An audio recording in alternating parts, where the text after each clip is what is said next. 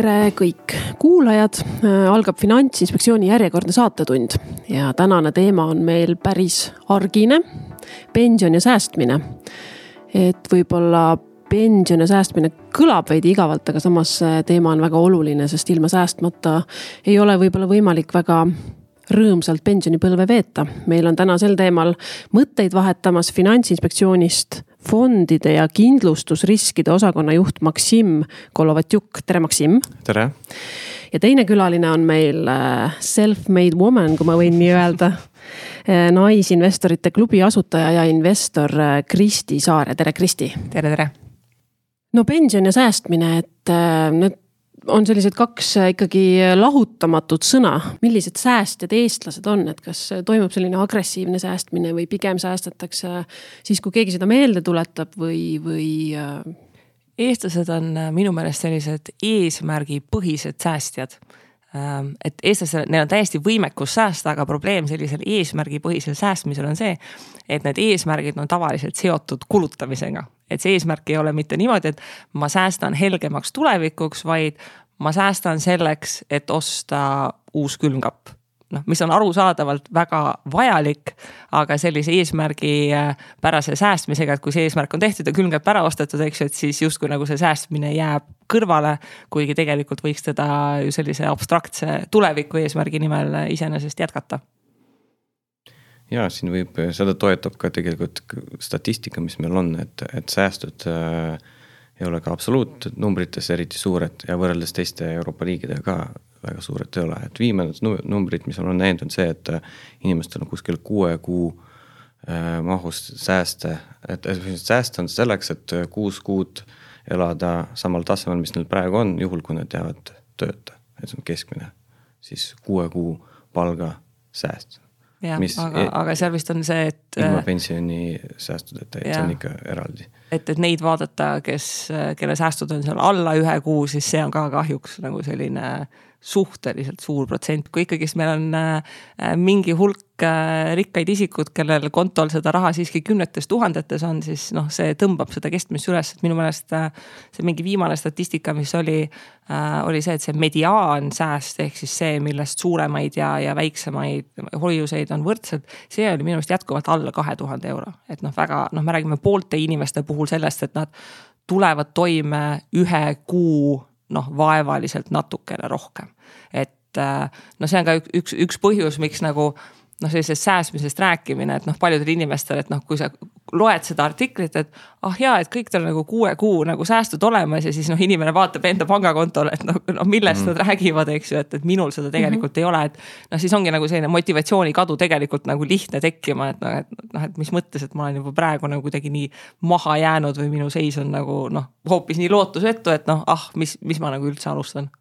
no aga siit me jõuamegi selleni, et, et kui neid sääste on nagu vähe ja me räägime säästmiseks ja säästmisest ja pensioniks kogumisest, et äh, kust need inimesed siis seda raha koguvad. et kas ühe euro kaupa kogumisel on mõtet?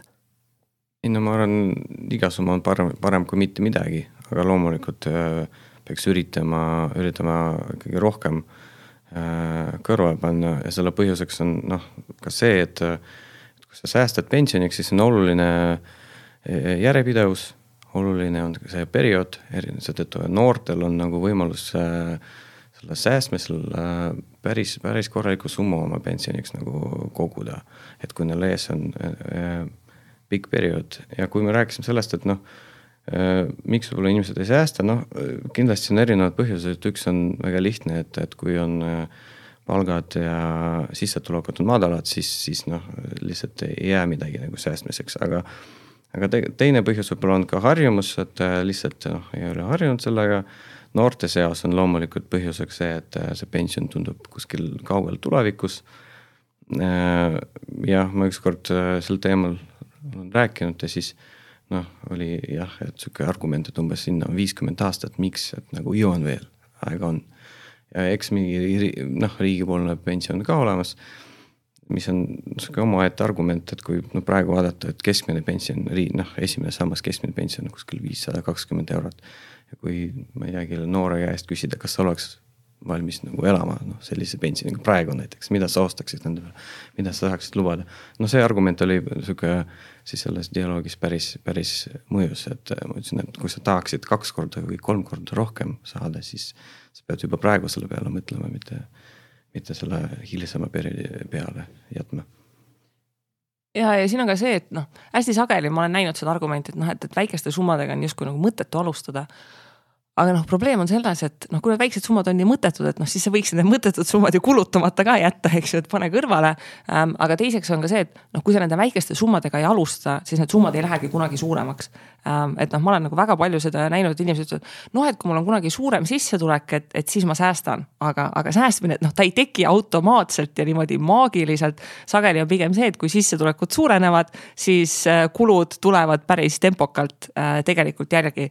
et äh, mina alustasin ka ka enda säästmisteekonda. Äh, mina läksin kaks tuhat üksteist tööle õpetajana, sellel hetkel, kui õpetajate palka veel ei olnud tõstma hakatud.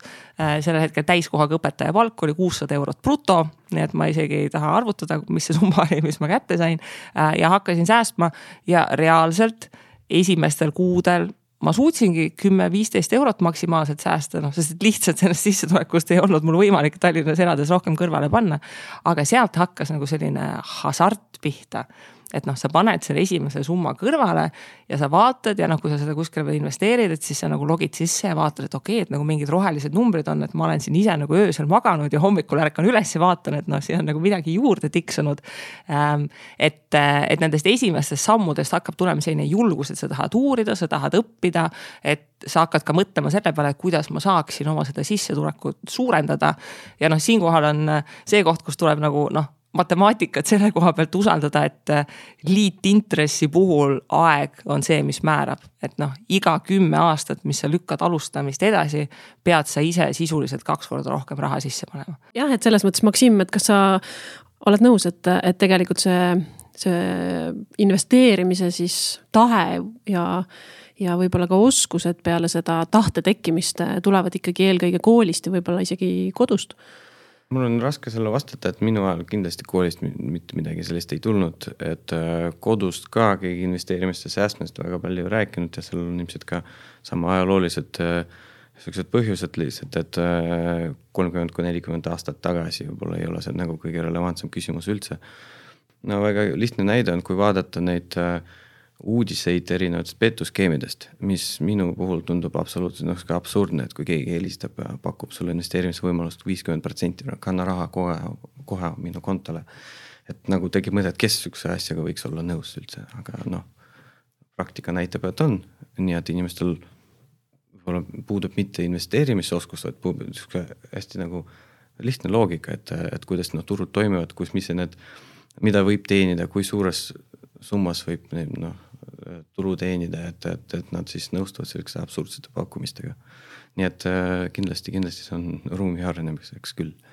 kas kuidagi on kaardistatud ka huvitav seda osa, et, et selliste huvitavate ehk siis noh, jutumärkides huvitavate investeerimispakkumiste otsa äh, on komistanud siis rohkem vanema põlvkonna inimesed või nooremad, et pigem siis ikkagi see põlvkond võib-olla, kes kes, kes ongi need meie vanemateealised näiteks, kes ei ole võib-olla omal ajal seda teadmist nii palju, ei olnud, ei ole olnud nagu see põhiteema, millega lihtsalt tegeleda tol ajal. tegelikult seal on see probleem, et äh, ega ütleme, pahatahtlikud äh, tegutsejad on nutikad ja nad suudavad igasuguseid vanuseid äh, hullutada.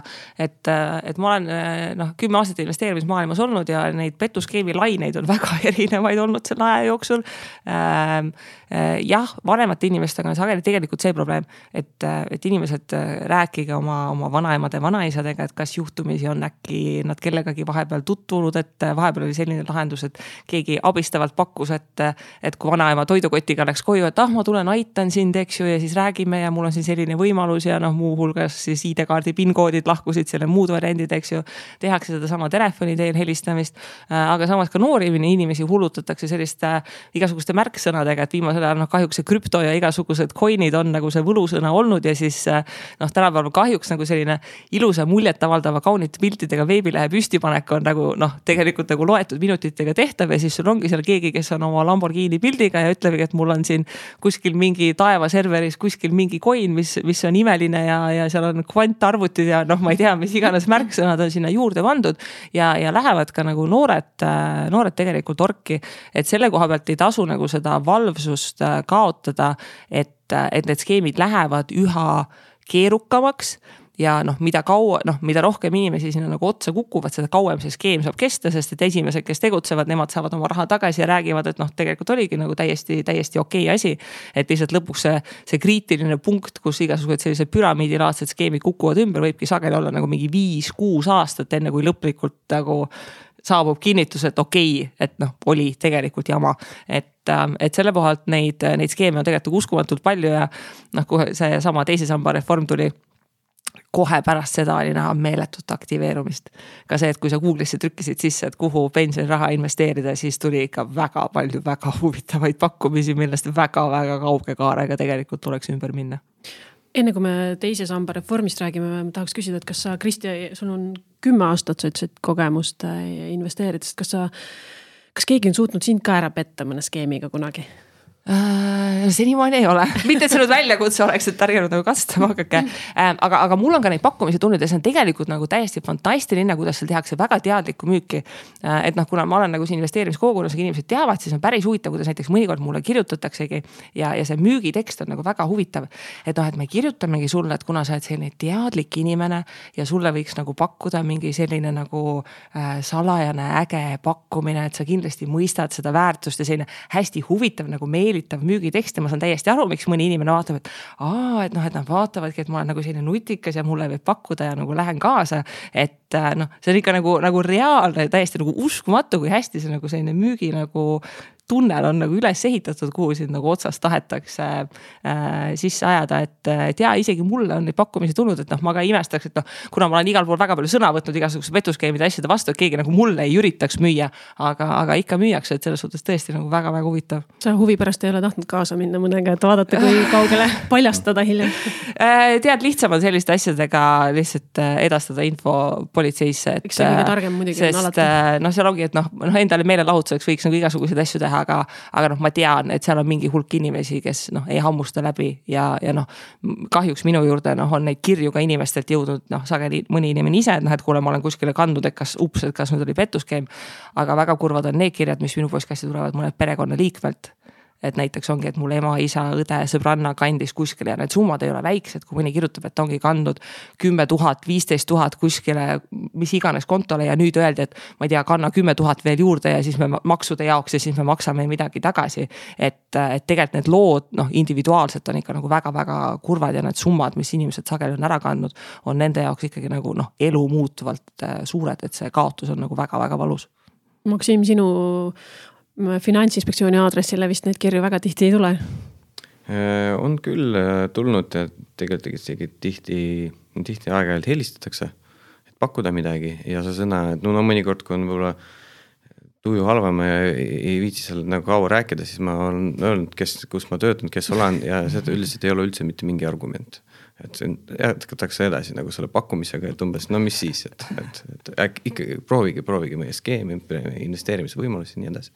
aga tihti olen ka lasknud niimoodi eh, noh, lõpuni ära rääkida, et aru saada, kus millal see skeem seisneb, kus see noh, kus need, mis firmas, mis firmaga on tegemist, mis riigist ta tuleb, et lihtsalt nagu omada infot natuke selle kohta. ja, ja tõesti, need on pakkumisi, väga erinevaid pakkumisi, no mul on noh, puhtalt lähtuvalt oma töökohast väga lihtne kohe aru saada, kus see see kriitiline, kus see, kus see kahtlane moment seis-, sei-, noh, on ja kus see, milles see pettuskeem iseenesest eh, seisneb, aga ma tõesti usun, et paljud inimesed, kellel seda finantsharidust ei ole, et need argumendid, mis leitakse, võivad mõnikord tunduvad päris, päris siuksed adekvaatsed. Eh, ja isegi mõnikord need eh, pakkumised, need tootluse numbrid ei ole nii hullumeelsed, vaid, vaid mõnikord on selle noh pet-, pettuse moment seisneb puhtalt selles, et noh, kui sa kannad raha üle, siis sa ei näe sinna mitte, mitte, mitte midagi. mõnikord on siuksed äh, erinevad brokerid ja teised siuksed seda tüüpi asutused äh, mõnikord tihti on täiesti, täiesti jah, hullumeelsed pakkumised, coin, omal ajal oli hästi palju kasutatud coin'e nii edasi ja sihuke probleem ka, et kui sinu telefoni number satub sinna andmebaasi, siis, siis enam miski ei aita, et kui sa noh, blokeerimine, sellised asjad, nad on väga tüütud äh, sihukesed sihikindlad te tegelased, nii et ma arvan, ainuke võimalus on lihtsalt inimestele rääkida sellest, et nad äh, oskaksid nagu ära tunda. et kui noh, selliseid tegelasi ja tegelikult äh, meie noh, nii-öelda sellised normaalsed äh, noh, pangad, erinevad investeerimisühingud, fondivalitsejad, nemad äh, sellise tegevuse või sellise äh, agressiivse marketinguga või turustamisega ei tegele, et äh, et äh, see, see võiks olla nagu inimestele lihtsalt selge, et, et kui, kui tuleb sihuke kõne või email, et tuleb sellest nagu kõrvale hoida. no aga nüüd varsti tuleb võib-olla veel rohkem raha turule, mida need äh, šaakalid ja petuskeemi korraldajad ära tahavad kasutada, et pensionireform, äh, mis siis jõustub, ma saan aru, uuest aastast, kuid ähm, võib-olla tooks kõigepealt välja, et mis need, äh, kui keegi kuulajatest juhuslikult veel mõtleb selle peale, siis mis need põhiasjad olid, et mis siis selle reformiga muutusid, et. et äh, nüüd saab raha välja võtta, on ju, siis äh, investeerimiskonto on siis versioon, kuhu saab oma raha liigutada, siis sa, saab liituda need, kes varasemalt ei saanud, saavad sambaga, teise sambaga liituda. kas midagi olulist veel, mis muutus? Äh, ja no tegelikult äh, neid muudatusi oli hästi palju nii teises kui ka kolmandas sambas, et äh, minu arust rahandusministeeriumil on äh, ilus veebileht, kus on nagu sellised joontega, joonistustega joonised tehtud, sest neid erinevaid variante on noh, tõesti nagu mm -hmm. väga palju äh,. et võib-olla üks see oluline muudatus, mida nagu kõikidel tasub teada, on tõesti see väljavõtmise element ja mitte selles mõttes, et, et nüüd ja kohe, vaid kui varem pensioniikka jõudes, kui sa tahtsid hakata teisest sambast pensionist saama, pidid sa sõlmima kindlustuslepingu, äh, kus siis vaadati sinu hinnangulist eluiga ja, ja hakati selle järgi igakuiseid makseid tegema, mis oli selline suhteliselt probleemne lahendus. sellepärast, et äh, need maksed fikseeriti pensionile mineku hetkel ja kui sa noh, kakskümmend aastat neid väljamakseid said, siis noh, kui sa saad viiskümmend eurot kuus praegu, siis noh, kahekümne aasta pärast see viiskümmend eurot kuus on hoopis nagu midagi muud. Ähm, et nüüd võeti see kohustus ära, et seda kindlustuslepingut tegema ei, ei pea ja sul on paindlik paindlikumalt võimalik oma seda pensionivara äh, kasutada ja ma arvan, et see on see muudatus, kellega, millega nüüd absoluutselt kõik poliitilised osapooled ja kõik nagu turuosalised äh, nõus olid. Ähm, sealt edasi nagu muude variantidega, et see, et noh, et, ähm, et sellisel asjal nagu pension poole kogumise pealt raha saab välja võtta, et noh, see noh, sellise pikaajalise mõtlemise ja säästmisega nagu väga-väga kaasas ei äh, käi. Ähm, ja, ja teine oluline muudatus, mis kogu selle teise samba tralli koha pealt on nagu jäänud tegelikult kõrvale, äh, on see, et muudeti ka kolmanda samba tingimusi. ja see, ma ütleks, on võib-olla nagu veelgi olulisem, sellepärast et see on väga range tähtajaga selle aasta lõpuni. et kui äh, kolmas sammas, kui selline riigi poolt toetatud vabatahtlik kogumine, et see raha, mis sa sinna paned, saad kakskümmend protsenti protsenti tulumaksu tagasi. Ähm, siis praegu kehtib reegel, et vanusest viiskümmend viis saad sa hakata raha välja võtma madalama tulumaksumääraga mitte, mitte kakskümmend protsenti, vaid kümme protsenti. Äh, siis reformiga ühtlustati neid pensioni äh, igasid, mis tähendab, et kolmandast sambast tulevikus enam nii vara odavalt raha välja ei saa. et hakkab saama eelpensioni eas, mis näiteks minu äh, aastakäigu inimestel on vist kuuskümmend kaks või lausa juba kuuskümmend kolm, eks ju ähm,. ja, ja kes tahavad, et neile see madalam äh, maksumäär äh,, sellega seotud õigused rakenduksid, peaksid kolmanda samba avama see aasta ära. ja avama tähendab ka seda, et nad kannavad vähemalt ühe euro sisse, et neil on see esimene fondi osak ostetud ja seda tasub teha nii kõikidel täiskasvanutel, kes veel kolmandasse sambasse ei kogu. Äh, ja, ja seda on võimalik teha ka oma alaealistele lastele. aga kuna see lapsele kolmanda samba avamine on natukene keerulisem ja selleks on pangatöötaja abi vaja, siis, äh, siis kohe pärast kuulamist võiks hakata tegutsema selleks, et jõuaks, jõuaks veel kaks tuhat kakskümmend aastanumbri sees selle ära teha. et et, äh, et need on nagu sellised ajakriitilised asjad. ja noh, võib-olla see reformi koha pealt neid küsimusi on hästi palju. inimestel on tunne, et kuna neid variante on väga palju, et ma pean kohe hakkama nüüd midagi otsustama ja tegema, siis ähm, tegelikult ei pea. et on, kui sa oled nagu senimaani rahulikult kogunud, siis on täiesti okei okay, et lihtsalt rahulikult kogudki midagi. edasi mm, -hmm. ei, ei teegi midagi, ei, ei pea tegema äh,. lihtsalt noh, mina isiklikult lihtsalt rahulikult kogun edasi ja siis ühel hetkel, kui, kui see päris pensioniiga tuleb, et noh, siis saab nagu täpsemalt äh, edasi vaadata. ja tõesti, see reform, reform sai oma nime, noh, et see on reform sellepärast, et muudatus on väga suured, et muudatus toimuvad nii teises sambas, kolmandas sambas, kogumisfaasis, väljamaksefaasis. Ja üldiselt jah, see reform tähendab rohkem vabadust, rohkem valikuid, samas ka rohkem vastutust noh, ma arvan, et iga inimene praegu peaks noh, kes, kes mõtleb selle peale, et midagi muuta. et siis peaks endale küsimuse, küsimuse esitama, et miks ma sa, sa, tahan seda teha. et äh, meedias on hästi palju kajastust, kajastus on väga erinev, erineva alatooniga. nii et kui põhjuseks on äh, näiteks see, et äh, noh, siuksed väited nagu raha põleb või pankurid röövivad meid või midagi sellist. et siis peab ikka mõtlema selle, kas on nagu taga on mingi ratsionaalne põhjus või, või, või emotsionaalne.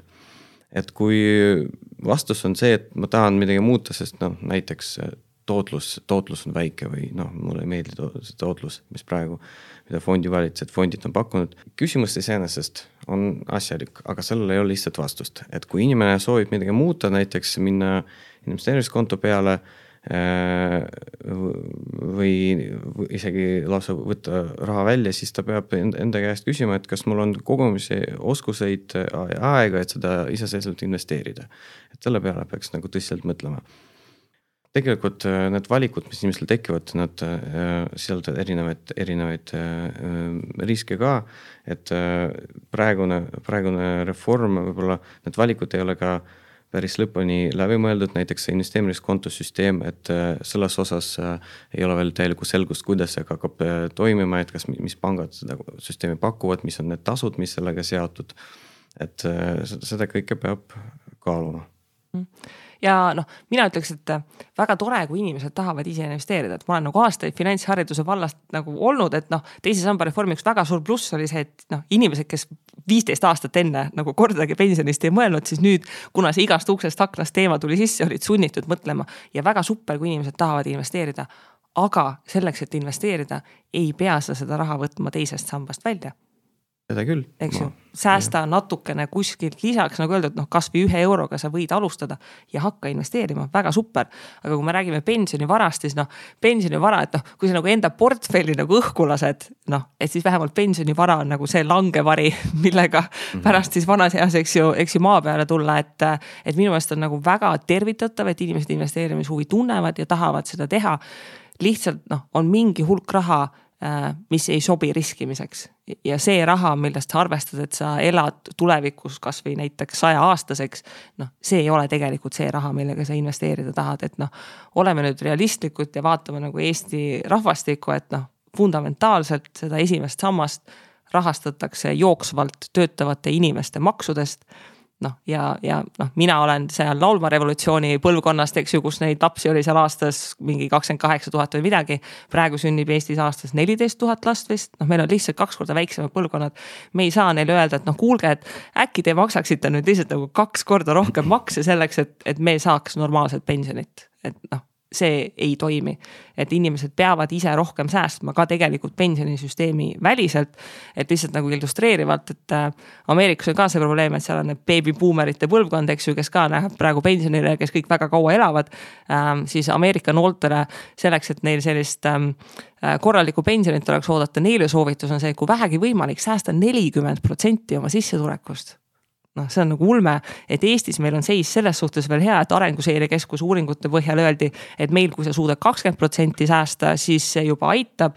ja meie mõistes kakskümmend protsenti ongi see et, et kuus protsenti teises sambas kuni viisteist protsenti kolmandas sambas, et kui sa suudad juba pensionisüsteemi siseselt maksimaalselt ära täita, siis see juba näitab, et, et noh, nagu, nagu sa ütlesid, et see elatustase ei pea nagu niimoodi langema pensionile minnes, et sa suudad ikkagi mitte see kolmkümmend, kolmkümmend viis protsenti eelnevast keskmisest palgast, vaid, vaid kui sul on ikkagi juba kuuskümmend või seitsekümmend protsenti eelnevast keskmisest palgast kasutada. no siis see on ikka nagu hoopis teistsugune pensionipõli, mis ees ootab samas see mm, nii-öelda vastuargument sammaste osas äh, on olnud kohati, võib-olla mitte kolmanda, aga teise osas just eriti, et see lisa, mida sa pensionipõlvest sealt saad, on nii äh, väike. et siis äh, osad inimesed, ma tean või olen kuulnud, et võta, plaanivad selle raha nagu välja võtta ja investeerida nagu mujale tead, see, see lisa on nii väike, see on selline asi, mida nagu inimesed ütlevad mm -hmm. ähm, ilma nagu mõtlemata, et see on seesama, et inimesed ütlevad, noh, et minu pensionisammas on lapsed, aga noh, keegi ei taha laupäeva hommikul lastele helistada, et kuule, mul on raha vaja, eks ju. noh, tere pensionisammas, eks ju, et pigem nad helistaksid lapsele, et noh, tule nagu, nagu pannkooki sööma vanaema juurde. et noh, seesama, et see lisa on väike, et noh, kui me praegu vaatame, et see keskmine pension on seal viissada midagi eurot, et äh, noh, andke andeks, aga kui sa saad näiteks nelikümmend eurot kuus, saad teisest sambast juurde ja see baaspension on seal viissada eurot, siis see ei ole väike summa. See on minu meelest nagu väga noh, kui sa nagu küsid pensionärilt, et kui ta saaks kuus nagu nelikümmend eurot lisaraha, et kas see on tema jaoks suur summa, siis ma arvan, et enamik neist ütlevad, et jah, et see on suur summa. võib-olla praeguse palganumbri numbriga võrreldes tundub, et ahah, et see on absurdselt väike, aga kui me vaatame reaalset olukorda, siis tegelikult ei ole. ja noh, nagu öeldud, palju neid argumente, et noh, näiteks seesama fondi tootluse küsimus äh,. jah, need olid probleemid ja, ja nendega on ju tegelikult väga palju tegeletud. et meil on väga palju langenud pensionifondide tasud, meil on muudetud palju piiranguid, et meil nüüd on agressiivsed fondid saavad olla kuni sada protsenti aktsiates, et ei ole nii suur kohustuslik võlakirja komponent. et süsteemisiseselt on tegelikult väga palju muudatusi tehtud ja, ja me oleme seda näinud ka viimastel aastatel, et pensionifondide tootlus on märkimisväärselt tegelikult tõusnud ähm,. lihtsalt nagu need muudatused ei ole võib-olla nii nagu põnevad ja efektsed kui see, et sul on äh, see slogan, et pensioniraha põleb ja nagu siis mustal taustal punane leek, eks ju ähm,. sest äh, noh ta,, tavainimene arusaadavalt ei veeda väga palju igapäevaselt aega oma pensionifondide käekäigu peale äh, mõeldes. ja noh, see ongi see koht, et miks, miks on oluline, et nagu nagu riiklikul tasandil tehakse selliseid mõistlikke ja, ja läbimõeldud otsuseid, et. mina ütlen, et praeguseks on väga suur osa pensionisüsteemi probleemidest siiski korda tehtud. ja, ja mina isiklikult ei, ei näe probleemi äh,, miks mitte teist sammast jätkata ja, ja mina ka ise isiklikult iga-aastaselt panen maksimaalse panuse kolmandasse sambasse, sest äh, noh, see, see riigipoolne toetus tulumaksu tagastusena on eraisikuna kõige võimsam investeerimisinstrument, äh, millele sul äh, ligipääs on. ja, ja ongi, et kui on lisaks investeerimishuvi, siis nagu, nagu palun väga, aga on mingi, mingid asjad, millega ei riskita ja, ja pensionivara on minu meelest üks nendest kui sa tahad teisest sambast võtta raha enne pensioniiga välja, siis oli see tulumaks vist kakskümmend protsenti on ju. Mhm. aga kui sa oled pensionär ja tahad välja võtta, siis oli kümme. jah et kuidas te seda kümmet näete, et kui inimene on juba pensionil, et, et kuidagi on see sihuke proportsionaalne protsent pensionieas maksta veel kümme protsenti selle raha pealt? no samas see raha on ju tegelikult sinna sisse läinud maksuvabalt, eks ju, et, et sealt tulumaksu ei ole makstud ja ta on aastaid saanud nagu sellise maksukilbi all kasvada, et. ja noh, sellest kümne protsendi maksu Äh, nõudest on ju võimalik äh, saada ka mööda, nii et sa sõlmid fondi äh, pensionilepingu, et sul hakatakse neid igakuiseid väljamakseid tegema, et. Ähm, see on arusaadav, miks ta jäeti sinna sisse, sest et noh, vaadates ka riigi poolt, siis riigi jaoks on siiski parem, kui inimesed teevad pikaajalised pensionilepingud, mis garanteeriksid neile pikaajalisi väljamakseid. et et enne kui inimene teeb selle otsuse, et ma võtan nüüd selle raha kõik välja, et vähemalt see maksuarve paneks teda natukene kaaluma, et kas see oleks mõistlik, et kas pigem oleks mõistlik teha nüüd see kahekümne aastane fondipensionileping, et mul noh, sealt vaikselt midagi kogu aeg laekub, sest et noh, kõik need inimesed, kes on väga, et hurraa, et võtame välja ja teeme seda, teist ja kolmandat, et noh, ma ei ole näinud kuskil seda küsimust, et aga, aga mis siis saab nendest inimestest, kes võtavad selle raha välja ja kes ei tule siis tulevikus ise toime. et noh, praegu me Eestis näeme seda omaksehooldusteemat, mis üha rohkem kerkib, et noh, kui keskmine vanadekodu koht maksab seal tuhat eurot kuus, eks ju, ja, ja see pension on nagu viissada eurot kuus, et, et mis seal siis saab.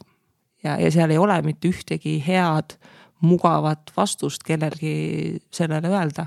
peale selle, et, et võib-olla maksavad lapsed kinni, kui neid on ja noh, taaskord, kes tegelikult tahaks oma lastele koormaks niimoodi jääda. ma ei tea, kuidas teile tundub, aga kas natuke ei ole see tunne, et, et see pensionireform ja need sambad on pandud natukene nagu võrdelisse olukorda võimaliku vaesusega pensionipõlves ehk et, et, et see raha, mis sealt on ju kunagi tuleb et see on tegelikult, see on nagu abiks, aga see ei ole ju see mm, põhiline, ma räägin siis teisest ja kolmandast sambast. et et, et hästi palju, hästi suur nagu surve või ootus pannakse nagu neile peale ja selline nagu paanika natuke tekib või kuidas teile tundub?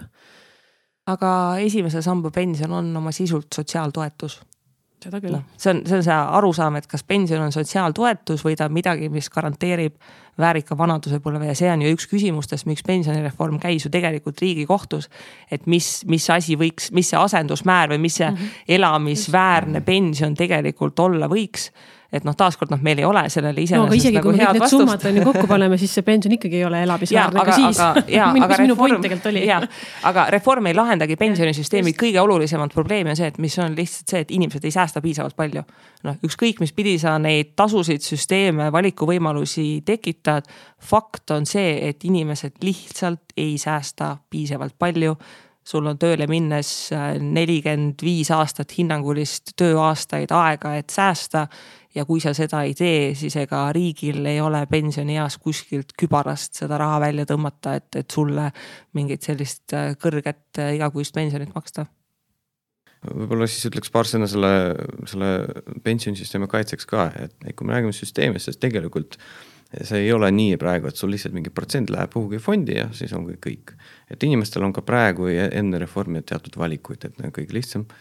Näide on fondide valik ja fonde on, kui kümme aastat tagasi olid fondid üsna sarnased äh,, neil olid sarnased investeerimispiirangud, siis praegu on äh, juurde tulnud erinevate strateegiaga fonde äh,. et, et tegelikult inimesel on võimalik valida.